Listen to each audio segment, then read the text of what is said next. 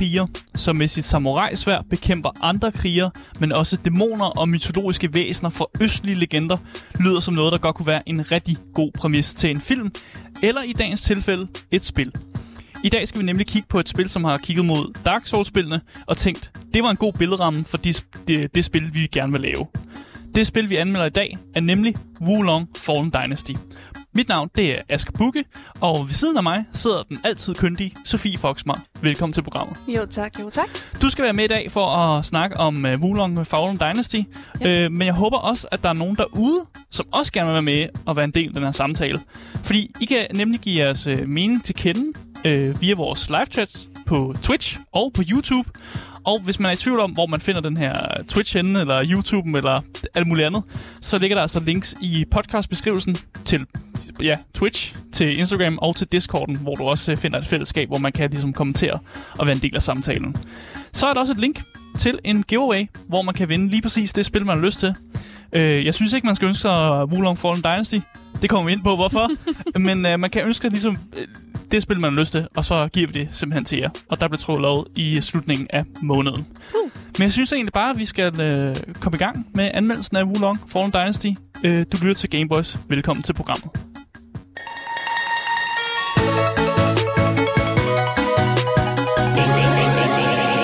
Boys.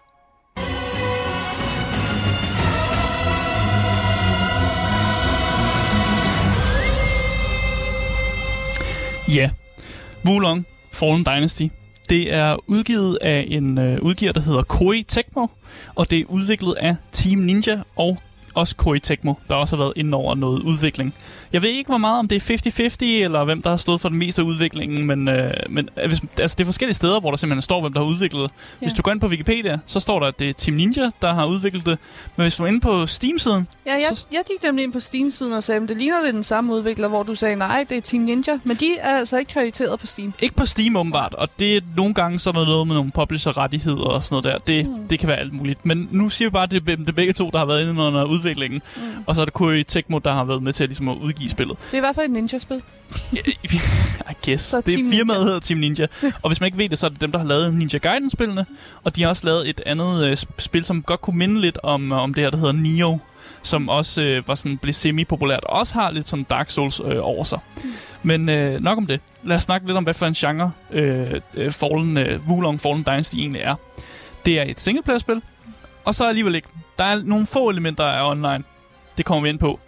Så er det et Souls-like spil, fordi det har elementer af et Dark Souls-spil, mm. øh, og det har nemlig fået den her genre Souls-like. Så er det en action-RPG, det er en hack and slash, og så den sidste, jeg har puttet på, det er mørk fantasy. Altså Mørk fantasy. dark fantasy, ja. Okay. Det er sådan, hvor alting er lidt nederen. Oh. Så det er fantasy, hvor folk har det bare pisse lortet. Øh, og det er sådan, mange Dark Souls-spil også er. Det er også mørk fantasy, fordi folk har det ikke super godt i Dark Souls-universet. Og mindre man er en eller anden sounds omspundne helt, mm. så er der en stor chance for, at du nok ligger og dør et eller andet sted. fordi at, øh, verden bare er totalt nederen at være i. Så det er det, det, det begreb ligesom inddækker over. I forhold til øh, platform og, øh, og pris på øh, Wulong Fallen Dynasty, så øh, på Steam, der koster det simpelthen 521 kroner at købe det her spil. Det synes jeg er noget af en pris. Det er jo den nye øh, AAA-pris, kan man Ja. vist godt sige. Og på Playstation, der ligger det til 519 kroner. Cirka samme pris som på Steam. Og øh, på Xbox, der ligger det på øh, til, faktisk lidt billigere. Der ligger det til øh, 447 kroner. Mm. Men det er også en del af den løsning, som hedder Xbox øh, Game Pass, som selvfølgelig, hvis man øh, har det, det her månedlige abonnement, så kan man altså spille øh, Wulong Fallen Dynasty via det. Nu spørger jeg lidt dumt, ikke? Ja. Altså, er det her ikke nærmest de samme priser, som Elden Ring også er ude i? Jo, det kan godt være, bortset fra at Elden Ring ikke ligger på Game Pass. Nej, nej, selvfølgelig gør det ikke det, fordi Ja. Elden Ring er rent faktisk godt. Øh, det er godt, du er allerede, du er allerede med på bølgen af, at vi basher nej, Wulong. men det, men det er mere bare, det jeg mener er, at Elden Ring er alligevel en del større, altså større størrelse, end det her spil er. Så er det ikke vildt, mm. at de alligevel sælger for det samme. Jo, og jeg vil også, øh, jeg vil også vælge at påstå allerede nu i anmeldelsen mm. sige, at hvis man sidder og overvejer, at man skal købe Wulong Fallen Dynasty, eller man skal købe Elden Ring, så synes jeg altså, at I skal købe Elden Ring. Det er et bedre Dark Souls-spil, fordi det rent faktisk er, er lavet af dem, der har lavet Dark Souls, så de ved, hvordan man laver Souls-like spil. Øh, og så Wulong, som du nok også har sagt, det er ikke en lang oplevelse. Jeg tror, vi vil ind og kigge på det, var det omkring de der mellem 30 og 40 timer. Ja, øh, nej, ikke engang. Jeg tror, jeg er 25-30 timer. 25 til øh, 30 timer, ja, ja. Hvis man, man main storyen, og så hvis det er main storyen plus lidt ekstra. Hvis mm. man er completionist, kan man godt komme op på 41 40 timer. Ja. Men ja, det er der, vi cirka ligger. Mm. Men jeg synes egentlig bare, at... Øh, skal jeg ikke forklare, hvad spillet går ud på? Jo, lad os gøre det. Så vidt jeg ved, så finder spillet sted under den historiske periode i Kina, som hedder De Tre Kongedømmer. Mm. Det ved jeg ikke, om du er bekendt med den historiske periode. Jo, en lille smule. Ah, okay, en, lille, en lille smule. Ja, det er en, faktisk en, jeg vil lige vil sige, den her peri- historiske periode er faktisk meget sådan, man, der er lavet en del videospil, som faktisk baserer sig på netop den her, den her periode. Så ja, det, det findes, øh, de her videospil. Men i Wulong Fallen Dynasty, der spiller du som den her navneløse soldat. Altså, du har ikke rigtig noget navn. Øh, men du får lov at customize den her soldat helt fra bunden. og dit mål er ligesom at bekæmpe hæren, kendt som de gule turbaner. Ja, jeg så det navn, og så synes jeg egentlig, det var sådan lidt... Ej, det, Det er det, det er tekset. Det er fordi, de har sådan, de har gu, de er gule. Ja, men kan man og de virkelig har ikke... sådan nogle sjove hatte. det er da så tekset, som noget kan være. Hey, her har jeg en bande. Lad os alle sammen gå i kasketter, kalde os kasketterne. Altså, det er da så tekset, som noget kan være. Det er rigtigt nok, men det er meget simpelt. Og nu, skal du huske på, at det her det spil, det er jo det her spil, det er designet af ja- japanere. Og nogle gange kan ting godt lyde lidt sejere på japansk, end det Ja, gør på, øh, Så når man jeg, så oversætter vil jeg det. ønske, de bare ikke havde oversat det, og bare lavet det blive på japansk. Okay, det, Gule jeg, turbaner. altså jeg valgte at spille spillet på engelsk. Jeg kunne Ej. godt have spillet spillet på japansk, og så havde jeg måske ikke fattet, hvad fanden der var foregået, men så havde det måske lyttet lidt sejere. Men, Ja. men det er altså det, det hedder. Øh, men du skal besejre de her gule turbaner, samt sådan en masse dæmoner, som ligesom haver landet også. Mm. Og det gøres ved, at man går igennem de her sådan semi-lineære baner, som altid slutter af med en øh, boss til sidst. Ja. Så det er meget lige til. Du går igennem nogle baner, du hakker en masse fjender ned, og så til sidst er der en sidste boss. Mm. Mm. Nogle gange kan du godt møde nogle bosser på vejen også, men, det er som, det, men der er altid en, en, ligesom, en, en sidste boss i de her baner. Så det er måske ikke så open world igen. Altså, nu Nej, siger du, at overhovedet det er ikke. meget lineært. Overhovedet ikke, det er ikke open world. Altså hvis du leder efter en open world oplevelse, så er det jo Elden Ring, du leder efter. Som jo netop er, er Dark Souls franchise, der har valgt ligesom at åbne op for, hvordan de ellers gør det. Klassiske Dark Souls spils er heller ikke sådan super open world, og så også, Mhm. kan også godt være de her semi-lineære øh, konstruktioner. Men jeg vil sige, Wulong Fallen Dynasty er mere lineært, Okay. end et Dark Souls-spil er faktisk. Mm. Mm. Og det er meget sådan, man kan vælge nogle få afvielser i ens rute, men det er meget sådan, der er en, en bestemt rute, og man kan også godt værke på developeren, hvilken vej de egentlig godt vil have, at folk tager. Nå. Fordi ligesom, der er nogle, nogle fjender, som ligesom afholder en for at gå en bestemt vej. Mm. Man skal ligesom grind for at ligesom komme til dem. Nok om det. Jeg synes, øh, skal vi ikke bare gå ind i noget øh, gameplay i Wulong Fallen Dynasty?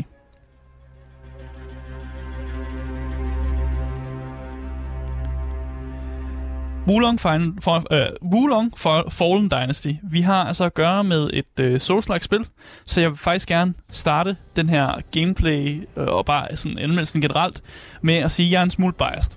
Ja. Lad mig bare åbne op og sige det.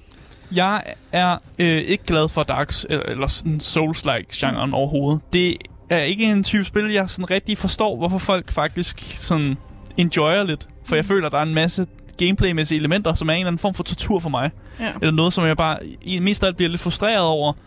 Øh, og ikke faktisk bare synes er sådan en dårlig gameplay design faktisk sådan generelt.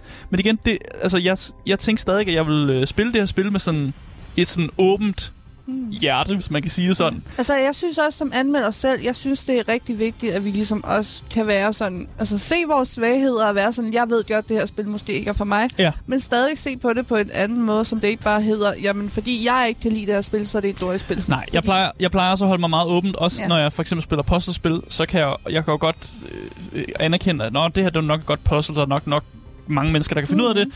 Det er ikke et spil for mig, og jeg kan ikke lide de her form for puzzles. Og det er fair nok, det vil jeg også nævne i en anmeldelse. Så derfor synes jeg også bare, det er fair nok, at jeg lige lader folk, der lytter med, lige øh, være med på, at jeg altså normalt ikke er en person, der spiller de her Dark Souls-spil, men jeg tænkte, hvis jeg skulle spille et Souls-like spil, så må det være et spil, som så ikke er lavet af dem, der laver Dark Souls-spillene. så det måske kan noget andet, og der måske sker nogle måder, det kan få mig til at sådan, jeg ved ikke, konvertere ja. til Souls-like spil. Og så på et tidspunkt kan det være, at jeg gider at spille øh, Dark Souls, eller et eller andet Det kan på et være. eller andet tidspunkt. Jeg havde, men igen, jeg havde en forventning om, at det måske kunne komme, øh, konvertere mig for øh, at synes bedre om den her spilgenre. Det kan jeg lige så godt sige, det gjorde det ikke overhovedet. Altså igen, nu er det jo ikke nogen hemmelighed, at vi bor sammen, så jeg har været Ja. ja. ved siden af dig, mens du har spillet det her. Jeg synes, der var alligevel nogle kurve.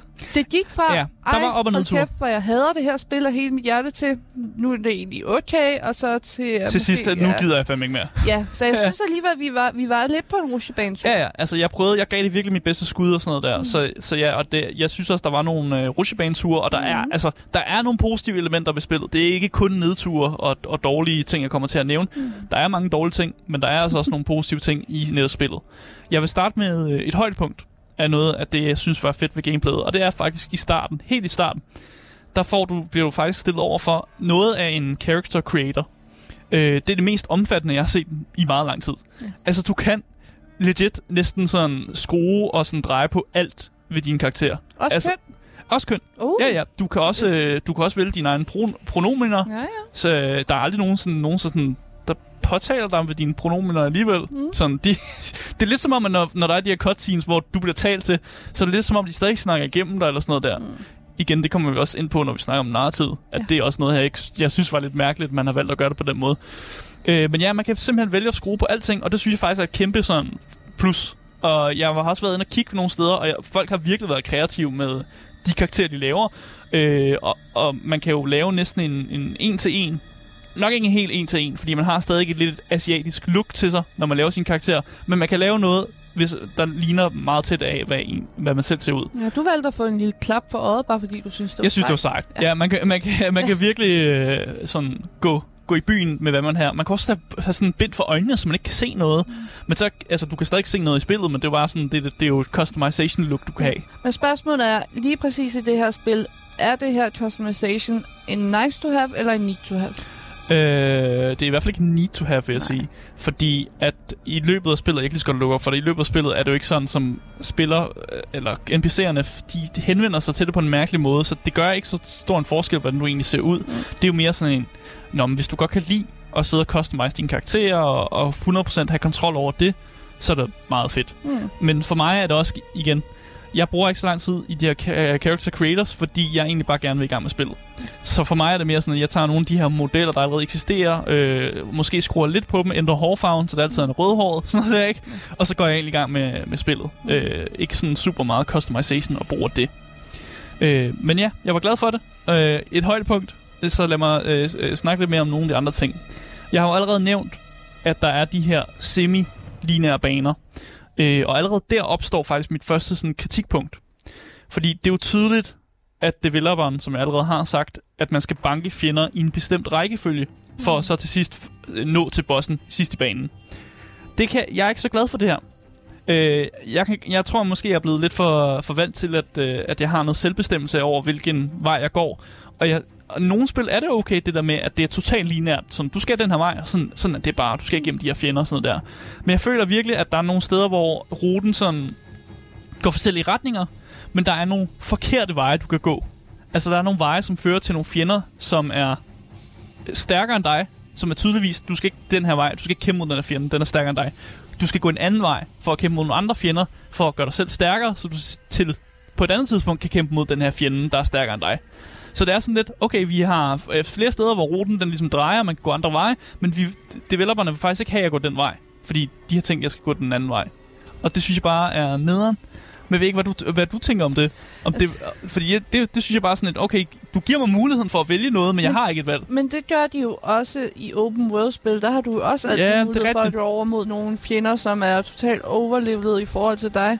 Og der vælger du Ja. ja. selv, om du vil have en good time eller en bad time, og prøve altså, Ja, om, om du vælger at gå tilbage den anden vej, om du bare vælger virkelig at prøve at lære det. Fordi jeg tror, det, Jamen, du har nok ret, men jeg tror bare, det, jeg, der jeg er lægger bare mærke til det. jo. Souls spil det er, at du skal lære alle de her fjender at kende. Du er nødt Ja, ja, til ja, at dø om og om igen, så jeg er sikker på, at selv hvis du tog den forkerte vej med de rigtige hårdnakkede fjender, Mm. så skal du nok lære at slå dem på et eller andet tidspunkt, selvom du ikke er levelet højt nok op. Ja, Det men kræver bare, at man har lyst til at torturere sig selv og Det er jo- blive ved og ved og ved. det er jo en god pointe, men hvorfor skulle man gøre det? Når, Fordi når, at der bare findes Souls-like-spillere derude, der godt kan lide den her med Der at godt kan lide- sig selv. Ja, der kan godt lide selvtortur ved, at Ja. man, okay, nu tager jeg den svære vej, mm. når man faktisk i virkeligheden bare kunne tage den, den den optimale vej, ja. i stedet for, som er det, jeg gør. Fordi det er jo sådan lidt, hvorfor skulle jeg torturere mig Men selv? sådan er der bare nogle gamere, Ja, der er. Og det, det prøver vi at forstå. Ja, men, men for at man netop for at spillet ligesom kan gøre, at du tager tingene i den rigtige rækkefølge, så gør spillet faktisk brug af det her mor- moral system, kalder de det for, morale. Morale. Ja, hvis en fjende har samme moral, eller lavere end, end dig, så betyder det, at du kan godt tæve løs på dem, og du kan godt du kan have en nogenlunde fight med dem, sådan equally, og, og vinde den. Hvis en fjende har en højere moral end dig, så kan det måske godt være en idé at, ligesom at løbe en anden rute, øh, for at ligesom kunne farme noget der morale. Fordi man får øh, moral ved at nakke fjender problemfrit, eller ved at ambush dem. Altså snige sig op Ah, på dem og lige ja. få sådan en sneak attack på dem, så får man også noget morale. Og så mister man morale ved, at man tager en masse hits i combat, og øh, hvis man, man mister også ret meget morale, hvis man dør. Så det er ligesom det, man skal. Man skal gå rundt og farme det her morale, så man til sidst kan kæmpe mod et monster, der har meget morale. Og det er det, jeg prøvede at forklare, det der med, at hvis du går ind til et monster, du har fire morale, og det monster, du, du går ind til, har 20, så er det nok ikke den rute, du skal tage, for du skal farme det. Fordi ellers så ender du med at have en kamp, hvor du bare tager mere i skade, end du giver, fordi det morale er lavere, end det monster, du kæmper mod. Altså nu er jeg lidt forvirret, fordi Ja. når jeg kigger på gameplay og sådan noget, så havde jeg lidt en idé om, at det var en slags samurai-spil. Man er en slags samurai. Altså, det foregår i Kina jo, Ja. så man kan jo ikke rigtig være en samurai. Nej, men jeg mener bare, plejer der ikke at være sådan noget med ære om, at du ikke bare går hen og backstabber nogen? Fordi, Ej, for helvede. fordi du siger, man får moral at gøre det. Ja, ja. Jeg troede, det var helt omvendt, at man var nødt til at kigge dem i øjnene og være meget respektfuld, før man skulle til Nej, overhovedet ikke. Overhovedet ikke. Men Nå. igen, meget, Nej. mange af de fjender, der er i de her spil, er jo også dæmoner og zombier og sådan noget der. Og jeg føler, kan at... jeg godt være respektfuld for zombie. Hvordan det? Det ved jeg ikke. Det, det, altså, zombie er jo ligeglad med, om jeg bukker og er sådan et, ah, her, her zombie, nu skal vi i en en mod en kamp. Okay, okay. Så det er sådan, det, det har jeg egentlig. Det, Så det, du bliver ja. belønnet for at stabbe folk i ryggen? Ja, ja, der er, altså lidt, der er sådan et mini sådan semi-stealth-system, og man kan også opgradere i, i stealth, så man faktisk bliver bedre til at snige sig ind på folk, øh, og gøre, at man, man, man trækker mindre fjender, når man er i combat også, er også en del af det. Øh, så det er noget, man kan investere i, det der med at være vildt god til at backstep, og være vildt god til at finde et eller andet højt sted, du hopper op fra, for at nakke en eller anden fjende, der ikke ved, at du er der. Mm. Øhm, men jeg vil jo tro, at det her med, at det her moralsystem, vil jeg faktisk tænke var meget imod det, man...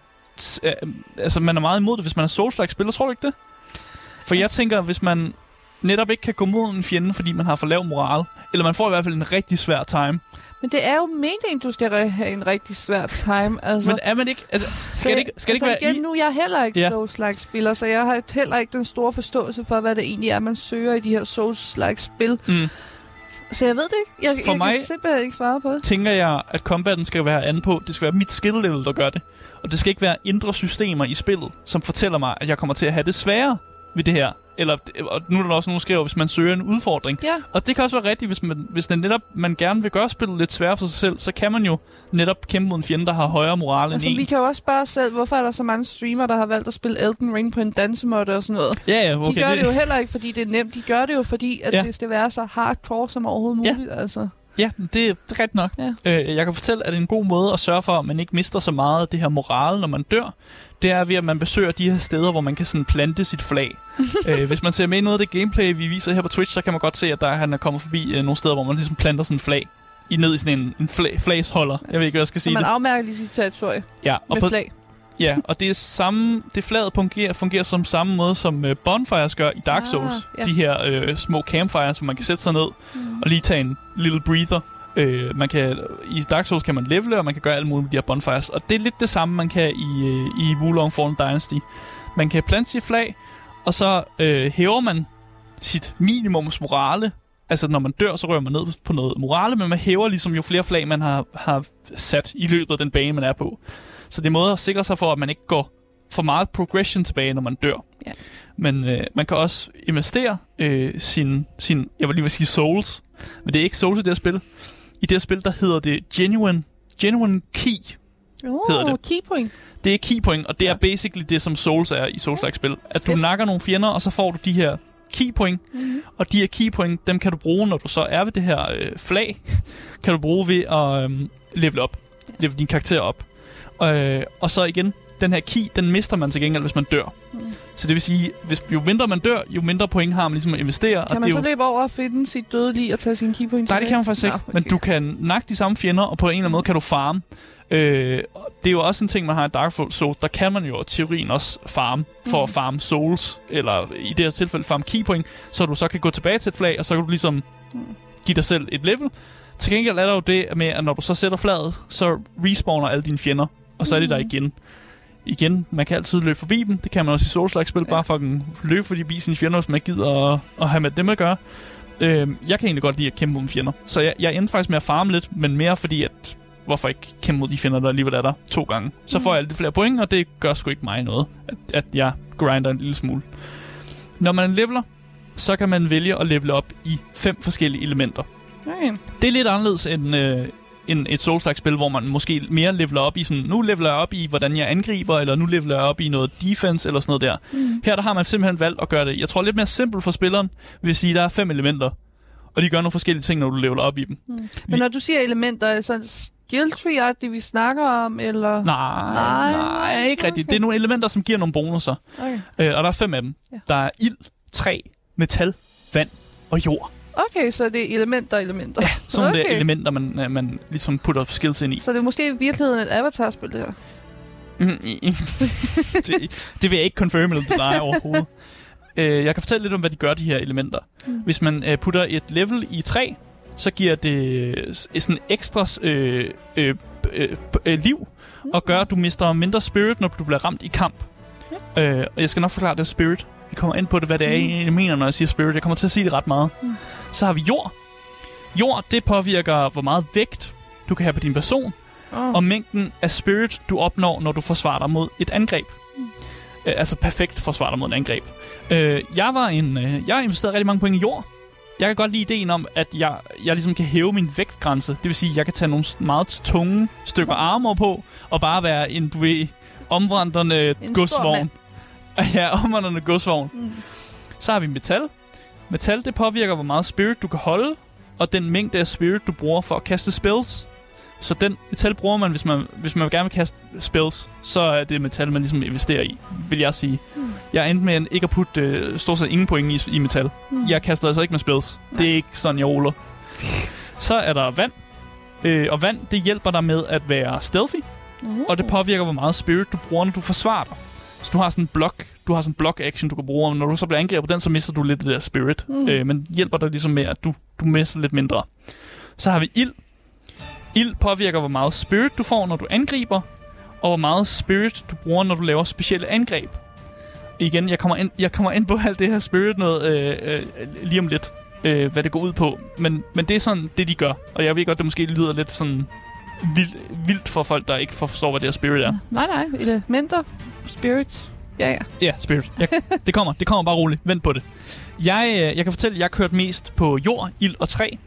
Og det var basically det, der fik mig til at være en stor bongus. Ja. Fordi at øh, netop den her kombination gjorde, at jeg havde rigtig meget liv. Jeg kunne bære nogle rigtig store, tunge øh, armors, og så kunne jeg give rigtig meget skade med mine sådan, specielle øh, moves og sådan noget der. Så jeg var basically sådan en kæmpe stor sådan, øh, godstog, mm. der egentlig bare prøvede at ramle folk ned, og så håbe på, at de ikke angreb mig for meget, fordi at jeg havde ikke investeret så meget i det her, øh, i, i hverken spells, eller investeret så meget med, at jeg ligesom kunne holde på min spirit særlig godt. Føler du, at spillet lidt prøver at indikere, at du skal være sådan well-rounded, eller føler du, at mere at den prøver at sige, gå med en pat. Vælg en vej. Jeg tror ikke, spillet prøver at fortælle en noget som helst. Nå. Og derfor kan du også godt ende med at lave nogle helt tossede og rigtig dumme builds, og mm. måske faktisk blive straffet en lille smule. Ja. Øh, hvilket jeg faktisk føler, at jeg gjorde. Mm. Jeg tror ikke rigtigt, det var tiltænkt, at, at spillet vil have en til at køre det build, jeg måske kørte faktisk. Nå.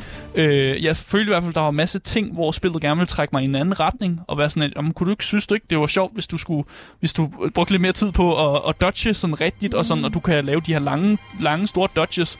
Det gider øh, vi ikke. Det kunne jeg ikke Ingen rigtig. Dodges. Min karakter havde jo rigtig meget vægt på, mm. øh, og det gjorde, at min karakter også blev en lille smule langsom oh. og stor. Og det vil sige, at jeg kunne ikke så meget øh, hop af vejen, som der er mange, der gør i et Souls-like-spil. Min taktik var, at jeg skulle lave de her perfect sådan deflections, for overhovedet at kunne have en chance i kamp. Mm. Og det gør at jeg skal have styr på min timing. Og hvis jeg ikke har styr på min timing, så er jeg fucking toast. Fordi jeg er bare en stor... Jeg, jeg er bare en st- et stort godstog, der ikke kan flytte sig, mm. basically. Det var mit billede i hvert fald. Yeah. Men jeg har snakket meget om det her spirit. Skal jeg ikke lige forklare, hvad fanden det er? Hvad er spirit? Ja, det er øh, engraveret i combat-systemet. Så det er også derfor, at nu snakker vi om Spirit, så snakker vi også om combat-systemet. Så alle fjender og dig selv mm-hmm. har en spirit måler. Det er sådan en lille bar under dit health, som sådan kan gå op, og den kan gå ned. Hvis du har høj spirit, så er det ofte, fordi det går godt. Det vil sige, at din måler går opad, og den går opad, når du øh, har ramt din fjende med normale attacks. Når du laver de her perfect deflections, så opbygger du en spirit. Det vil sige, at det går godt. Det kører for dig. Du klarer det godt i combat. Hvis du har lav spirit, så går det ikke så godt. Så man skal ligesom se det som en måler, hvor der, du har et 0, så kan du gå i plus, og du kan gå i minus. Altså plus det er høj spirit, og minus det er lav spirit. Hvis du er i lav spirit, så går det jo sjovt nok ikke særlig godt. Og hvis man så ender med at komme helt ned, sådan på det laveste i spirit, så ender man faktisk med at, øh, at sådan blive stunnet. Ja. Men det samme gør fjenden. Så hvis du får fjenden ned i lav spirit, så bliver de også stunned. Og det gør så, at du kan bruge sådan et uh, special attack på dem, når de så er så stunned. det er sådan lidt en mindstrat game. Du skal få dine modstandere til at vide, at han taber det her. Jeg er ikke... Nej, ikke rigtig. Mindstrat. Ikke rigtig mindstrat. Nå. Mere sådan, at man skal, hvis man er rigtig god til at, at deflekte og ligesom undvige attacks og, og vide, hvornår man skal angribe, så kan man jo gøre sådan, at man selv har høj spirit, og sin fjende har øh, lav spirit. Mm. Øhm, det koster til gengæld også, det, de ting, du laver i combat, kan koste spirit også. Øh, så for eksempel, hvis du bliver ramt, så ryger din spirit ned. Hvis du kaster spells, så koster det faktisk lidt spirit. Så ryger du lidt ned. Og der er også nogle specielle angreb, som koster spirit. Og så kan du også miste spirit, hvis du øh, simpelthen dodger, hvor der ikke er noget at dodge. Altså hvis du ikke laver de her perfect deflections, så koster det faktisk lidt spirit at dodge. Mm. Det vil sige, hvis din timing er forkert, så kan du også ende med at køre din spirit helt ned. Og så skal der ikke meget til, før du ligesom selv bliver stunned. Så der er en masse, der er en masse sådan ting, der kan gøre, at du egentlig ryger ned i minus, mere end du ryger op i plus. Det er sådan lidt en, en ting, man skal balancere, når man er i kamp. Øh, som sagt, hvis du ender med at få din fjende ned i, øh, helt ned i, i spirit, så kan du lave de her finishing moves på dem. Eller lave sådan nogle store moves, som giver rigtig meget skade. Det var også en, øh, en taktik, som øh, det, jeg kan anbefale at gøre det. Fordi at, øh, især mod bosser, der handler det om at virkelig at kunne dodge de, på de perfekte steder for netop at kunne lave de her moves, der giver mere skade. Fordi du giver bare ikke særlig meget skade med dine normale angreb. Var i hvert fald det, jeg oplevede. Hmm. Som sagt, så synes jeg, at øh, det her spil, det handler 80% af den her af combat i det her spil, det handler om at kunne balancere sit spirit. Altså det er seriøst den mål, du sidder og kigger allermest på, når du sidder i combat. Sådan er den høj, er den lav, hvad skal jeg gøre nu for at ligesom få den op, hvad skal jeg, hvad skal jeg gøre for at få fjendens spirit ned og alt det her. Men jeg Øh. synes altid, det er sådan i souls spil. Det er altid sådan, altså, når man Ja, man skal balancere sin stamina og sådan noget, Jeg ja, ja. synes, det bliver sådan lidt en dans. Altså, du er nødt Ja. til at huske de rigtige skridt, og hvornår dodgerne ja, hvornår skal jeg slå, og hvornår... Altså, det bliver meget strategisk kampsystem. Ja, ja, ja, men, men jeg synes alligevel, det er, at, og det er faktisk, jeg var ved at sige, det er en af højdepunkterne, netop at tilføje det her spirit, fordi det er lidt, lidt noget anderledes til combat-systemet. Det er et combat-system, vi kender, for vi kender det der med at danse og hoppe og angribe på de rigtige steder, men spirit er alligevel er der lidt ekstra øh, til systemet, føler jeg i hvert fald. Så det er faktisk et af højdepunkterne til combat-systemet, at der er alligevel, der er alligevel lavet et eller andet innovativt og nyt, som jeg ikke rigtig føler, man har set før. Jeg er ikke helt sikker, jeg tror Sekiro måske har gjort noget lignende. De har også et eller andet, hvor man har nogle noget, noget man også, en måler, man også skal gå ned og op på. Men som du siger, er, er Spirit ikke bare en deres form for stamina? Fordi der er mange af de her spil, der har sådan nogle stamina. Øh, ja, mm, det, det kan godt være. Det kan godt være. Jeg føler alligevel, der er et eller andet, der man har puttet noget andet på. Fordi Mm. man har gjort det til en ting, som også kører over den måde, du kaster spells på. Og sådan, og, og det, ja, det kan nogle andre ting, føler jeg i hvert fald. Ja. Der er nogen, der nævner, Sekiro, Sekiro Ja. har samme type øh, øh, system også. Mm. Og det tænker jeg nok også, de havde. Øhm, men jeg tror, at vi skal egentlig bare øh, gå væk fra spirit-snakken, fordi det det bliver for meget og for Ja. teknisk, tror jeg. Ja. Øh, igen, jeg kan beskrive mit build igen, Mm. øh, med spirit for øjet, faktisk. Øh, det, jeg har valgt at beskrive det som big, beefy build. Ja. Hvor at jeg gør op for, at alting, jeg gør, det koster mig spirit. Men til gengæld, så har jeg rigtig meget liv, og jeg har rigtig meget defense. Mm. Og det vil sige, når jeg ender med... Jeg bliver nemlig meget stunned, fordi jeg har ikke særlig meget spirit, jeg kan bruge af. Så tager jeg ikke særlig meget skade, fordi min karakter er jo bygget som et fucking tog. Mm. Så selv når jeg bliver angrebet, så tager jeg ikke særlig meget skade, og jeg har også givet mig selv rigtig meget liv. Så jeg var bare big, big beefy, kan tage en masse damage buildet. Ja. Åbenbart. Det er jo det billede, du altid går med. Ja, og så var det meget vigtigt for mig, at jeg kunne time mine deflects, fordi hvis jeg ikke kunne time mine deflects, så har jeg basically tabt øh, den kamp, jeg er i gang med. Mm. Fordi at, så går det bare ikke. Så er der en ting, som jeg altid havde ved uh, Soulspil, og som også er en ting i det her spil. Bare lige for at gå helt væk fra det her Ja, spirit. spændende. Gemte fjender. og fælder. Skjulte fælder og gemte fjender. Uh, Det er noget, jeg ikke forstår, det er sjovt. hvorfor Souls-like spillere godt kan lide. De kan godt lide det der med, at man går hen et sted, hvor der er en lille præmie, og så er der en fjende, der gemmer sig i en busk, der hopper frem. Jeg synes, det er sjovt. Du ved aldrig, hvornår du lige skal være på tæerne. Du tror, at du er sikker, du tror, du klarer det vildt godt, og så puff, Ja. så bliver du bare angrebet. Og jeg kan godt forstå det, hvis man laver et horrorspil, hvor det ligesom, man prøver ligesom at skræmme spilleren ved at sådan, ah, der var nogen i busken.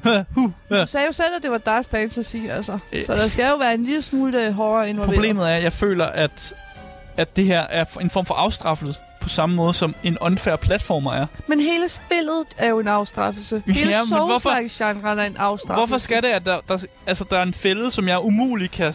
Altså, den er skjult. Det er en skjult fælde. Og lige pludselig kommer der en fælde mod mig, eller ned på mig. Så og jeg ved skal, du det til i næste run. Ja, jeg ved det til næste gang, og så er det bare pisse lige meget. Det er, Det er kun det. første gang. Det er kun første gang, jeg bliver straffet. Ja. Og det føler jeg bare, det er bare pisse nederen. Fordi hvorfor skulle jeg, skulle jeg bare have det nederen over, at der var et eller andet her? I sidste Gemt. ende, så skal du bare have det nederen, når du spiller de her spil. Hvis du ikke har det en lille smule nederen og en lille smule svært, så... Øh, altså, Altså, jeg kalder det unødvendig afstraffelse. Jeg kan godt lide at blive straffet, fordi jeg spiller dårligt, eller fordi jeg netop jeg mistimer noget, eller sådan, der er et eller andet, i, jeg gør forkert i mit gameplay. Men det her med, at der er en fjende, der bare hopper frem, som man ikke kan se, eller ikke ved er der, eller der er en fjende, som man har um- umuligt kan vide er der. men som sådan er det også der. i livet. Nogle gange kan vi ikke vide, hvad der kommer imod os. Og så, så sad jeg jo bare og sådan, åh, det var da pisse nederen. Ja. Og der var der ikke nogen, nogen grund til, at det var pisse nederen. Og du, det Så- siger du bare, ja. Ja, jeg forstår det. Det er sådan, spillet skal være. Så er der også en anden ting, som jeg aldrig... Ja, som jeg også tror er en ting i Dark Souls-spillene. Øh, første boss. Mm. Jeg havde sygt svært ved første boss. Ja, det, Men- ja. Men de bosser, der var bagefter, var faktisk ikke mega problematiske. Og Jeg forstår ikke, hvorfor det skal være sådan. Nej. Hvorfor at det skal være den første boss, spillet smider efter, der skal være pissesvær. Og så den næste boss, jeg var mod, der tror jeg, at det tog mig to ture eller sådan noget, for at gennemføre den næste boss. Altså, jeg vil sige, jeg var ret sikker på, at allerede der, da du prøvede at slås med den der første boss, der Ja. var jeg sikker på, at du ville kaste håndklædet i ringen og sige, at jeg anmelder ikke det her spil. Det, jeg, jeg sad virkelig og tænkte, det er det, der sker nu. Jeg, var, jeg, jeg vil sige, jeg var også tæt på, at jeg synes virkelig, det var frustrerende. At hvorfor, hvorfor fanden skal det være sådan noget der? Jeg kan godt lide, når mine spil har sådan en, du ved, en opbygning, Mm. hvor det er sådan, at, at bossen ligesom bliver sværere og sværere hen ad vejen. Jeg kan ikke forstå den der opbygning med, at man smider noget fucking svært mod dig i starten, mm. så gør det lidt lettere, og så på en eller anden måde laver en sådan en, en, en dalning i niveauet, og så går man op igen. Så jeg forstår ikke måden at gøre det på. Men tror du ikke, man gør det en lille smule bare for at advare spillerne? Var sådan, du skal bare vide, det er et ret svært spil, du skal til at spille. Jo, men jeg kan bare bedre lide, hvis det sker gradvist. Ja, ja. Fordi, at det ikke, fordi for mig tror jeg mere, det vil være en afskrækkelse. Ja, ja. Og, og der tror også, der er nogle spillere, der sikkert har mødt den der første boss og tænkt, det gider jeg ikke mere. Mm. Jeg spiller ikke det her spil. Og så det virker da som en Ja. dårlig proces for spillaver Men at der lave. bliver jo også skrevet i vores chat nu af en, som er rigtig glad for Souls-like-spil, at øh, Ja. ja. når man så endelig klarer den første boss, så er det den fedeste følelse i verden. Og det er jo det, det, er jo Ja. ja. det de her Souls-like-spillere altid går efter. Det er den her følelse, man får af at klare det. Ja, men Altså. den får jeg ikke. Og det er jo derfor, jeg netop ikke... Du sad, efter du endelig havde klaret den første boss, blev du ikke glad? Jo, jeg fik jo en forløsning over, ja. At det endelig var fucking færdigt og sådan noget der. Og det er den forløsning, som øh, spillerne vil have. Men, det, men den forløsning for mig er ikke sådan en, det giver mig ikke et kick for at ville, ville det mere. Eller det giver, altså det, for mig er det bare sådan et, fuck, hvor var det egentlig nederen? Og så tænker jeg egentlig bare mest på, hvordan oplevelsen var nederen, og ikke så meget på den der fede følelse, man har bagefter. Den er meget lav for mig.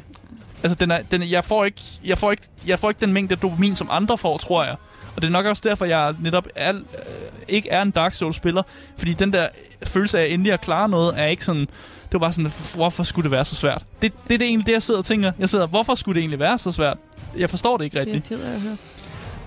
Så er jeg heller ikke vild med øh, en, en ting, jeg også har lidt en negativ ting. Det er, at jeg er ikke vild med, hvordan spillet viser dig, når du skal deflekte. Hmm. Jeg er vant til, at når jeg skal undvige eller dodge, så giver spillet mig sådan et, et, øh, et lysglimt. Øh, og det gør det, her, det her spil giver også de her øh, lysglimt, man ligesom får. Men i min hjerne, der får jeg lysglimtet, og så skal jeg dodge. Mm. Det er det, min hjerne siger til mig. Men sådan er det ikke i de her spil, og sådan er det ikke i Souls-like-spil. Der kan fjender godt have det, man kalder wind-ups, eller ligesom øh, have noget tid, før de ligesom endelig angriber dig. Ja. Så spillet vil give mig et lysglimt, og så går det lidt tid, før fjenden så angriber mig. Og det kan min hjerne ikke. Jeg tror, min hjerne den er, den er mere sådan en God of War-mentalitet, mm. hvor Mm. man får lysglimtet, så reagerer du på det med det samme. Så jeg vil også, jeg fik lysglimtet, så reagerede jeg. Jeg dodgede. Men der var ikke noget dodge, fordi fjenderne har ikke angrebet nu. Hmm. Og jeg føler, at det er en pisse dårlig game mechanic. Fordi i, stedet for, at jeg kan rely på det her lysglimt, så skal jeg i stedet for rely på, at jeg egentlig bare skal kunne lære fjendens moveset. Eller lære, hvad de gør. Igen, det lyder som om, at det er et Souls-like-spil, du har spillet. Ja, fordi så er det sådan noget med, jeg kan ikke regne, jeg kan ikke regne med, det spillet viser mig. Fordi at i lysglimtet i virkeligheden, man kunne lige så godt tage det væk, det her lysglimt fjenden giver. Det er egentlig bare en indikator om, at oh, nu laver fjenden et stort angreb. Men det kan være, at angrebet kommer lige nu lysglimtet kommer, men det kan også være, det kommer 5 sekunder senere. Mm-hmm. Hvordan fanden skal jeg vide det første gang? Det skal du aldrig vide Nej, det skal jeg gang. aldrig vide første gang, og det, det der, det er så nederen.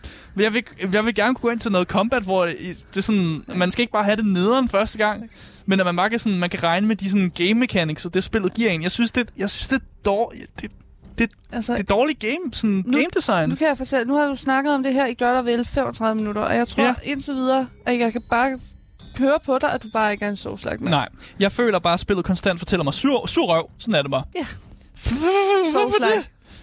Hvorfor det? Så Souls-like. Ja. Det er mit eneste svar. Og igen, spillet, jeg siger, spillet går lidt for meget øh, ud fra, at du har spillet Souls-like-spil før. Mm. Og det synes jeg faktisk også er lidt modigt, at man går ud fra, om det, du har spillet Souls-like-spil før, så det er alt det her. Så jeg får ikke rigtig forklaret nogle sådan basic ting om Souls-like-spil, som en person, der ikke har spillet særlig mange af dem.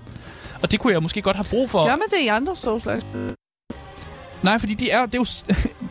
det gør man ikke i Dark Souls-spillene, fordi det er jo dem, der har lavet genren. Mm. Men jeg, føler, at hvis du laver et Souls-like-spil, så er mindst lige sådan...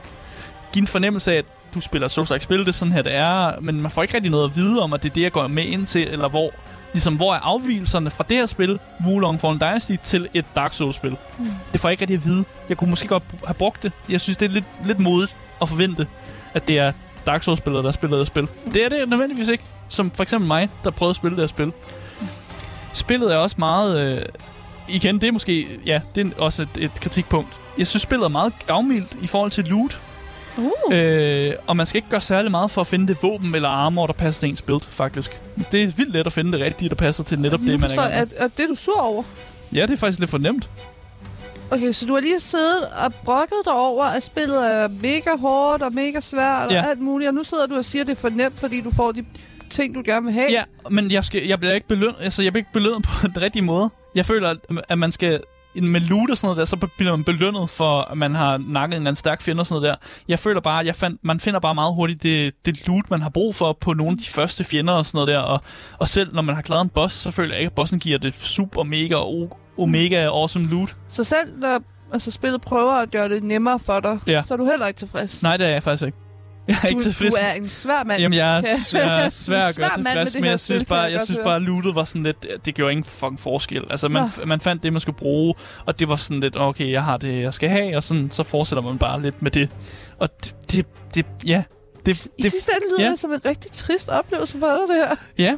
Øh, der er de her våben, man kan samle op, og de skalerer selvfølgelig med de elementer, du leveler op i. Så hvis du har valgt et bestemt build, så er der et bestemt type våben, der passer til dig. Jeg fandt ud af, for mit build, der var det dual wielding halbards, mm. som var ret sejt. Jeg ville bare gerne have en stor kølle, men det passer ikke til mit build. Det passer ikke til de skills, jeg har taget, så spillet fortalte mig, du kan ikke få lov at rende rundt med en stor kølle. Oh. Det er faktisk ikke det bedste for din karakter. Nå, tak, spil. Der er et eller andet ved Souls-like-spil og våben. Jeg har Jeg, altid... ja, men jeg vil så gerne have en kølle, Der er mand. et eller andet i mig, der altid synes, det er så komisk, at de render rundt med de der kæmpe, enorme våben. Altså, Ja, og det vil jeg kan, gerne have. Jeg kan slet ikke overskue det op i min hjerne, når de bare svinger rundt med de der kæmpe køller. Men det var ikke det, spillet fortalte mig var det bedste at gøre. Det var ikke det, der gav mest i skade. Det var sådan, du skal have de her dual wielding halbards, som er sådan små halbards. Det er ikke sådan en kæmpe halbard. Åh. Det ville jeg også synes, det var. Så jeg var lidt, jeg var lidt stok med dem. Det var det eneste, der ligesom passede til mit build. Og det er bare sådan lidt, når man gerne vil have køllen, så er det bare sådan lidt nederen. Ja. Jeg vil så sige, øh, jeg sad og spillede på min PC, og så sluttede min Xbox-controller til. Men alligevel så var controller-mappingen, det var lavet som om det var en Playstation-controller, jeg sad med. Ja. Og det, gør, det giver lidt forvirring i starten. Jeg kom over det. Og jeg er også vant til at spille på en Playstation, så jeg synes faktisk, det var lidt rart mm. efter noget tid. Men det er virkelig sådan, what the fuck? Hvorfor har der ikke Xbox-mapping til, når jeg spiller med en controller på en PC? Og Især hvis det er på Game Pass og sådan Ja, noget. præcis. Altså, det tænker jeg, det må Game Pass da også være blevet sådan lidt... Ja, Hvad- det ved jeg ikke. Der, Microsoft? jeg ved ikke, om det er en fejl, men det var i hvert fald det, jeg oplevede, og jeg synes bare, det var sådan lidt, okay, det er da lidt øh, mærkeligt. Øh, så er der de her NPC'er, man kæmper sammen med. Der vil jeg bare sige, det synes jeg er lidt af en ommer. Øh, jeg, jeg synes egentlig bare, de skulle fuck af. Du vil ikke have dine venner med dig? Nej, de er pisse lige meget for mit, for mit gameplay. Det var det seriøst. Ja. Det eneste tidspunkt, hvor NPC'erne var lidt nice, det var, når man var mod en boss, hvor de nogle gange ville tanke en masse hits, være meat shields, og så kunne du stå og slå en, en boss i røven ja. et par gange, før din, din allies er inde i dør. altså, det var, det var det, de var godt for. Men det var sådan, de var totalt lige meget ellers. Har vi ikke alle brug for noget meat shield i vores liv? Jamen, jo, men jeg synes egentlig ikke, de gjorde noget for spillet sådan Nå. super fedt. Nå. Øh, så er der det her element af, at andre spillere ligesom kan invadere ens spil. Så en online-spiller kan hoppe ind i dit spil mm. og prøve at slå dig ihjel. det skete for mig en gang, Ja. og jeg blev skide bange faktisk. Ja. Jeg var sådan, åh oh, nej, nu kommer der en eller anden, der ved, hvad fanden de laver. Og han løber bare direkte mod mig. Og så det første, der sker, det er, at han kører alle sine store attacks af, som jeg dodger. Og så slår jeg ham en gang, og så har han mistet al sin spirit, fordi han har brugt Åh. al sin spirit på at lave de store angreb. Og så ender jeg med at lave sådan en finishing move på ham, og så dør han. Se, det lyder som en good times. Hvad det gør for dig? Det var fucking godt for mig, fordi ja. jeg, var, jeg, var, jeg var skide bange, Så der faktisk. var noget i det her spil, som du godt kunne lide. Fordi du er jeg glad bare- for, at du fik lov til at tæve en Jeg fik bare fucking massakrere. Han kom ind i mit spil. Ja. Og så fik jeg bare lov at massakrere ham, hvor han Se. bare han er mega aggressiv, og jeg er bare sådan, okay, Nå. dude, nu slår jeg dig bare ihjel. Jamen, de er bare glade for, at det rent faktisk lyder som om, der var lidt sjov for Ja. Ja, jeg må så igen komme med noget mere kritik. Åh, oh, nej. Og det sidste kritik, jeg kommer med, så går vi over i noget narrativ. Jeg synes ikke, der er særlig meget øh, udvikling i fjendetyperne. Mm. Og når man ligesom har lært en fjende at kende, så, øh, altså, så bliver man, så er man automatisk altså, bedre i spillet. Fordi man kender den her type, hvad de kan lave af angreb, og så øh, afviger det ikke særlig meget til fra start til spillet, til når man er kommet lidt længere i spillet. Det er meget de samme typer fjender. Så man lærer deres movesets, og så er det så er det. det. Mm. Så er det ikke sådan, Nå, så, så er de ikke så svære længere. Mm. Øh, og det synes jeg er lidt kritik, at man ikke har lavet nok fjendeafvielse, eller sådan fjendetyper, eller de kan lave nogle andre angreb senere i spillet, eller sådan noget der. Altså, jeg synes bare, det, de det lyder som om, at du bare... Øh, altså, you got good. Nej, Nej. det, okay. jo, det kan godt være. Ja. Jeg got good. Ja. Fint nok, I got good. Tag det. Tag det og find... Altså, Fint nok, men det er stadig kritik. Det er ikke, Ja. jeg, jeg, jeg, kan ikke lide det. det. det- Sådan er det. Lad os, lad os gå over og snakke lidt om øh, narrativet i Wulong Fallen Dynasty.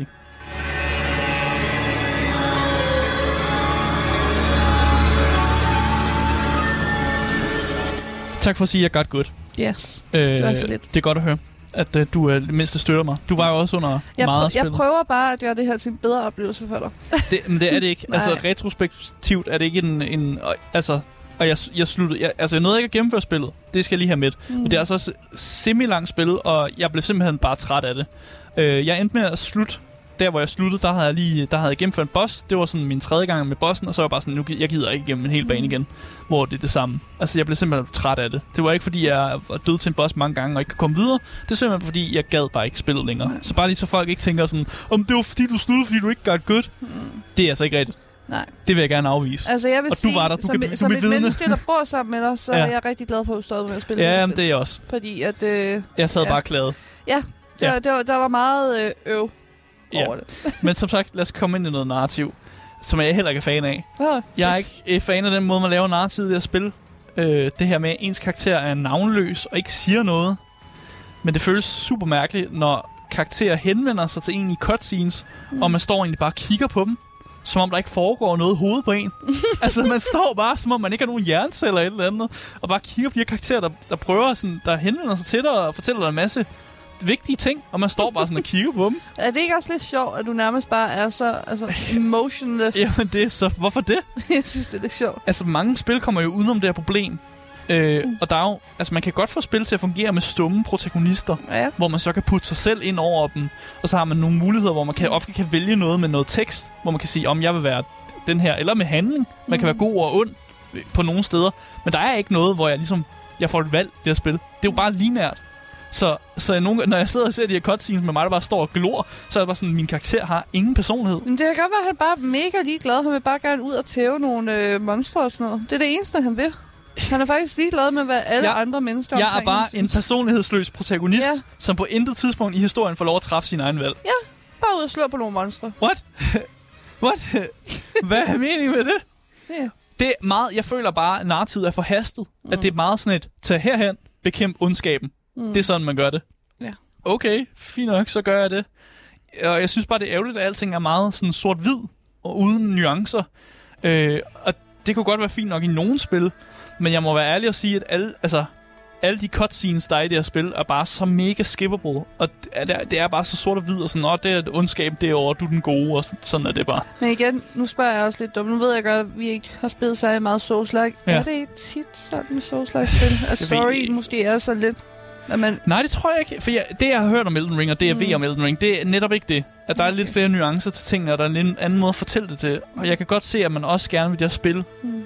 gerne vil fortælle spillet igennem sådan en quasi-lore, som er det der med, at vi fortæller ikke særlig meget, og så kan folk selv ligesom putte nogle brudstykker sammen. Øh, men jeg har ikke lyst til at vide mere. Det giver ikke mig lyst til at vide mere, om, de, om at de putter de her brudstykker ud. Jeg gik ikke ud og googlede ting og sådan noget der. Det har jeg ikke lyst. Jeg er pisse ligeglad. mm. Og spillet gjorde, som fik mig ikke interesseret i det her quasi-lore, eller det her, man kunne måske kunne slå op på nettet, hvis man har lyst til det. Mm. Overhovedet ikke. Altså, det, der var intet i mig, der havde- gav mig lyst til at vide mere om det her. Den her verden, faktisk. Øh, så er der også de her NPC'er. Man får kastet dem i hovedet konstant. Øh, og de er med til at slås igennem en bane. Øh, og så, så, så forsvinder de ellers bare. Ja. Og så er de ikke noget at skulle have sagt i narrativet længere. Man får sådan måske to cutscenes med dem, hvor de, siger, hvor de præsenterer sig selv og siger, jeg er den her ridder, der hjælper med at besejre de onde, som er sådan nice. Og så efter man har klaret banen, så er sådan et, nu har jeg hjulpet dig her, vi ses. Så ja. smutter de bare. de har da Så også de- deres eget liv, de stø. Men så er de bare sådan lidt ude af narrativet. Ja. Sådan, sådan, man, så det var det. Man møder mange mennesker på sin vej. Ja, det gør man, men, men jeg kunne da godt tænke at karakterkataloget var lidt mere dybt, og man, sådan, man havde lidt mere personlighed i nogle af de her NPC'er. Meget af alt. Altså, de, de er også bare sådan, du ved, typisk protagonister. De er også bare sådan, yes, jeg er også de gode, der har kæmpet sammen med dig. Vi skal kæmpe noget ondskab. Jeg er god. Mm. Fik du hørt, at jeg var god, og vi bekæmper ondskab sammen? Ja. Det var det. Jeg har bekæmpet noget ondskab. Nu smutter jeg. Hej hej. Så I'm det, out. Det lyder som om, du ikke er så glad for karakterdesign. Nej, det er jeg ikke. Den måde, de er. Jeg synes, ja. meget af det er personlighedsløst. Ja. Virkelig personlighedsløst. Øh, og der er in, intet memorable ved de her karakterer overhovedet. Altså, det, det er ikke noget, hvor jeg går ud og, og kan nævne om to år og fortælle dig, hvad en eller anden karakter hedder i det her spil. Altså, det vil jeg kunne i andre spilfranchises. Der kan jeg huske karaktererne og kan nævne lidt om deres personlighed og sådan her. Her er det bare totalt... Altså, de er så, lin, altså, de er så 2D, mm. som noget kunne være. Det er bare lidt nederen. Ja. Øh, og jeg er ikke super glad for det. Øhm, jeg, ved, jeg har faktisk ikke rigtig mere at sige om narsivet, andet mm. end at jeg er ikke super glad for det, og synes, at det er meget lineært, og det er meget sådan, her er ondskaben, og du, du er den gode. Og Så i sidste ende er narrativet nok lidt ligegyldigt for det også. det er så ligeglad. Skip det hele. Skip det hele, skip det hele, skip det hele. øh, du spiller et Souls-like-spil. Det, det må være nok i det. Mm. Øh, er der i hvert fald ikke. Så jeg synes, synes egentlig bare, at vi skal gå over og snakke lidt om visuel og lyden i Wulong Fallen Dynasty.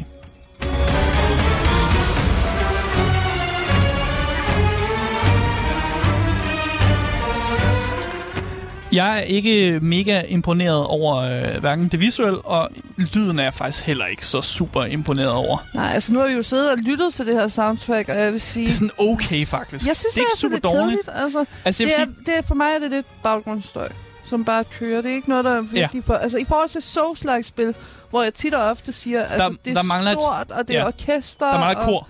Ja, her der er det wow. bare sådan en... Ja, der mangler lidt... Der, jeg føler, der mangler nogle instrumenter og sådan noget der. der. Hvis jeg lytter til musikken, uden at tænke på spillet, så synes jeg faktisk, det er lidt okay. Mm. Men når jeg har det med spillet i mente, så mangler jeg lidt mere fra det. Og det, det giver mig sådan den der følelse af, åh oh, ja, yes, det var det spil, jeg ikke havde det så godt med.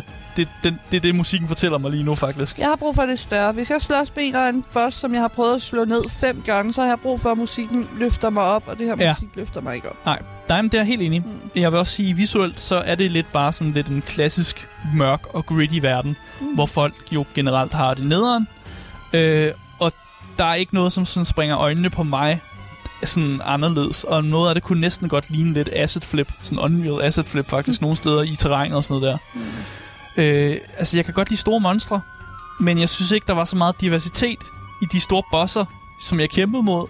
Og jeg vil godt indrømme, at jeg har faktisk lidt svært ved at adskille nogle af dem fra hinanden, når jeg tænker tilbage på det nu.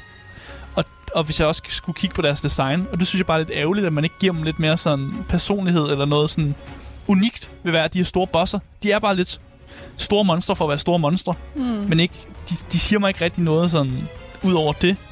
Og jeg føler bare, at der har været en, øh, en mangel på kreativitet i forhold til, hvordan ting skulle se ud faktisk. Mm. Altså få det, ting til at stå lidt mere ud og sådan noget der, i stedet for at alting bare sådan lidt ligner hinanden og sådan noget der. Og det er meget sådan, det er kun lidt farver, der kunne få ting til at se ud. For eksempel så det, vi kigger på nu, gameplay, det er, at eh, mister fjenderne, de er gule. Det står der lidt ud, og vi har en kvindelig figur, som har noget hvidt tøj på, som er meget anderledes i forhold til andre figurer i spillet og sådan noget der. Mm. Men ellers så for eksempel ham her, ridderen, vi ser på hesten, han er, ligner bare en hver anden sådan protagonist-karakter, som også kommer ind og hjælper dig og sådan mm. noget der. Det er, altså de er, de, der er ikke så meget afvielse i, hvordan folk ser ud. Og det er lidt ærgerligt.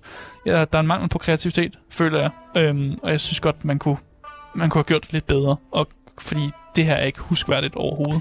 Ja, jeg ved ikke, jeg synes, det er meget traditionelt. Altså, jeg, Ja. jeg, det er ikke, for jeg hader det ikke, men jeg kigger heller ikke på det og bare tænker... Nej, jeg wow. havde det heller ikke, men det er jo det, jeg, det bare står ikke ud i min hjerne. Vil jeg, jeg vil ikke kunne huske det at spille for dens, den, det visuelle udtryk, og det den ligesom gav mig en lydmæssigt og visuelt. Men jeg synes bare, i sidste ende lyder det bare som om, vi ikke kommer til at huske det at spille for særlig meget.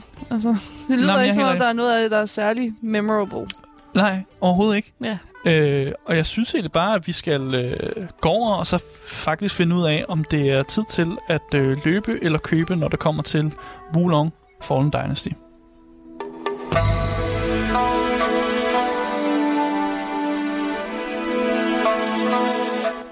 Ja, der blev musikken faktisk en lille smule bedre. Jeg, Ja. ja. jeg kan godt lide det der sådan lidt mere chill musik, der er, men igen, det er der jo ikke det meste af tiden, fordi du er i gang med at kæmpe og sådan noget der. Altså, nu er jeg meget spændt, fordi ja. altså, jeg har svært ved... Efter den her anmeldelse, så er jeg svært ved at helt at finde ud af, hvor du ligger. Om man skal løbe eller købe. Jeg kan slet ikke op i mit hoved finde ud af, hvad, hvad, hvad du tænker. Jeg kigger på prisen først og fremmest, ikke? Og det er de her cirka 520 kroner. Mm. Og jeg kan ikke forstå, hvorfor fanden man vil investere penge i det her spil. Det kan jeg ikke. Jeg ved, det er næsten faktuelt, jeg ved, at der findes bedre Souls-like spil derude, men Wulong Fallen Dynasty er ikke et spil, jeg kommer til at huske. Og den tanke, jeg mest fik, da jeg spillede spillet, det var, hvorfor skal det være sådan her? Det kan man da gøre bedre. I forhold til rigtig mange gameplay-ting, i forhold til rigtig meget visuelt, i forhold til rigtig mange aspekter af spillet, tænkte jeg, det kan man da gøre bedre. Mm. Og det er gjort bedre i andre Souls-like-spil. Spil Elden Ring, spil et Dark Souls-spil. Det eneste positive, jeg har at sige, det er, at uh, spillet bruger den her spirit måler, som faktisk er noget, der gør combat en lille smule interessant. Mm. Det er sådan en af de store positive ting, og så character creator. Det er det, det positive, jeg har at sige om Wulong Fallen Dynasty. Ja, men hvad så nu, hvor det er på Game Pass? Folk med Game Pass? Nej, Nej. jeg synes faktisk, det, det. jeg synes faktisk det er en lille smule uh, spild af tid også. Okay. Øh, netop fordi man kan dykke ned rigtig mange timer ned i andre Souls-like spil. Mm. Og Elden Ring også, bare for at nævne det igen. Det er lige før, det er mere en anbefaling til Elden Ring, end det er en anbefaling til Wulong Fallen, Dyn- Men- Dynasty. Men handler det måske om, at det også har været synd for Wulong at være kommet ud lige efter Elden Ring? Ja, det har ikke de samme kvaliteter. Det, det, det mangler bare en, en, noget, som Elden Ring jo slår det med flere tusind mil. Og det er derfor, det kan være svært at komme ud efter det, fordi hvordan fanden slår man det? Og det gør de ikke. De slår det ikke overhovedet. Mm. Og man vil altid putte det op imod det nyeste sådan Dark Souls eller uh, Souls-like spil på markedet. Og det her, det er ikke lige så godt som det, og det er ikke engang lige så godt som de originale sådan Souls-like spil. Mm. Så derfor er det bare, det er ikke et spil, som jeg vil anbefale. Øh, det er en ting, man har set før, ting, man har gjort i bedre i andre spil, så hvorfor fanden skulle der være noget at komme efter i Wulong Fallen Dynasty? Jeg synes, det er et spil, man skal øh, springe over, og jeg synes, at man skal løbe sin vej. Og jeg vil ikke engang anbefale det på tilbud, og hvis du har Game Pass, så er der rigtig mange andre spil på Game Pass. Spil dem i stedet for. Ja. Det, øh, det, jeg kan ikke, ja, det, det ved jeg godt, det lyder lidt nederen. Ja. Men det er altså sådan, det er. Ja. Så øh, det, i, når, hvis man skal løbe eller købe, så er det altså løb. Løb, løb, løb, løb jeres vej, når det kommer til øh, Wulong Fallen Dynasty. Men det var altså... Øh, det var det anmeldelsen for i dag. Og jeg synes egentlig bare, at vi skal øh, slutte programmet af.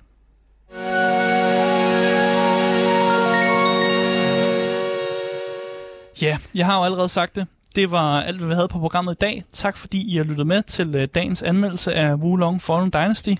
Jeg vil bare minde folk om at huske at øh, følge podcasten. Øh, og hvis man lige er kommet ind, tunet ind nu, så bare rolig. Der kommer til at ligge en podcast, hvor man kan høre hele anmeldelsen. Hvis man har brug for, Hvis lige man har brug for at høre det igen. Øh, Øh, og der er også interviews, som vi jo laver. Der kan man også lytte til dem. Øh, også på podcasten, hvis man søger på Gameboys. Hvis du vil kontakte øh, med os, så er der en masse links der øh, i podcastbeskrivelsen. Og der er også et link til vores øh, giveaway, hvor man kan vinde det spil, man har lyst til. Jeg vil egentlig bare sige, at øh, mit navn det er Asker, og med mig i dag, der har jeg haft øh, Sofie Foxmar. Og det har været øh, super fedt at lave en anmeldelse. Vi ses. Hej hej.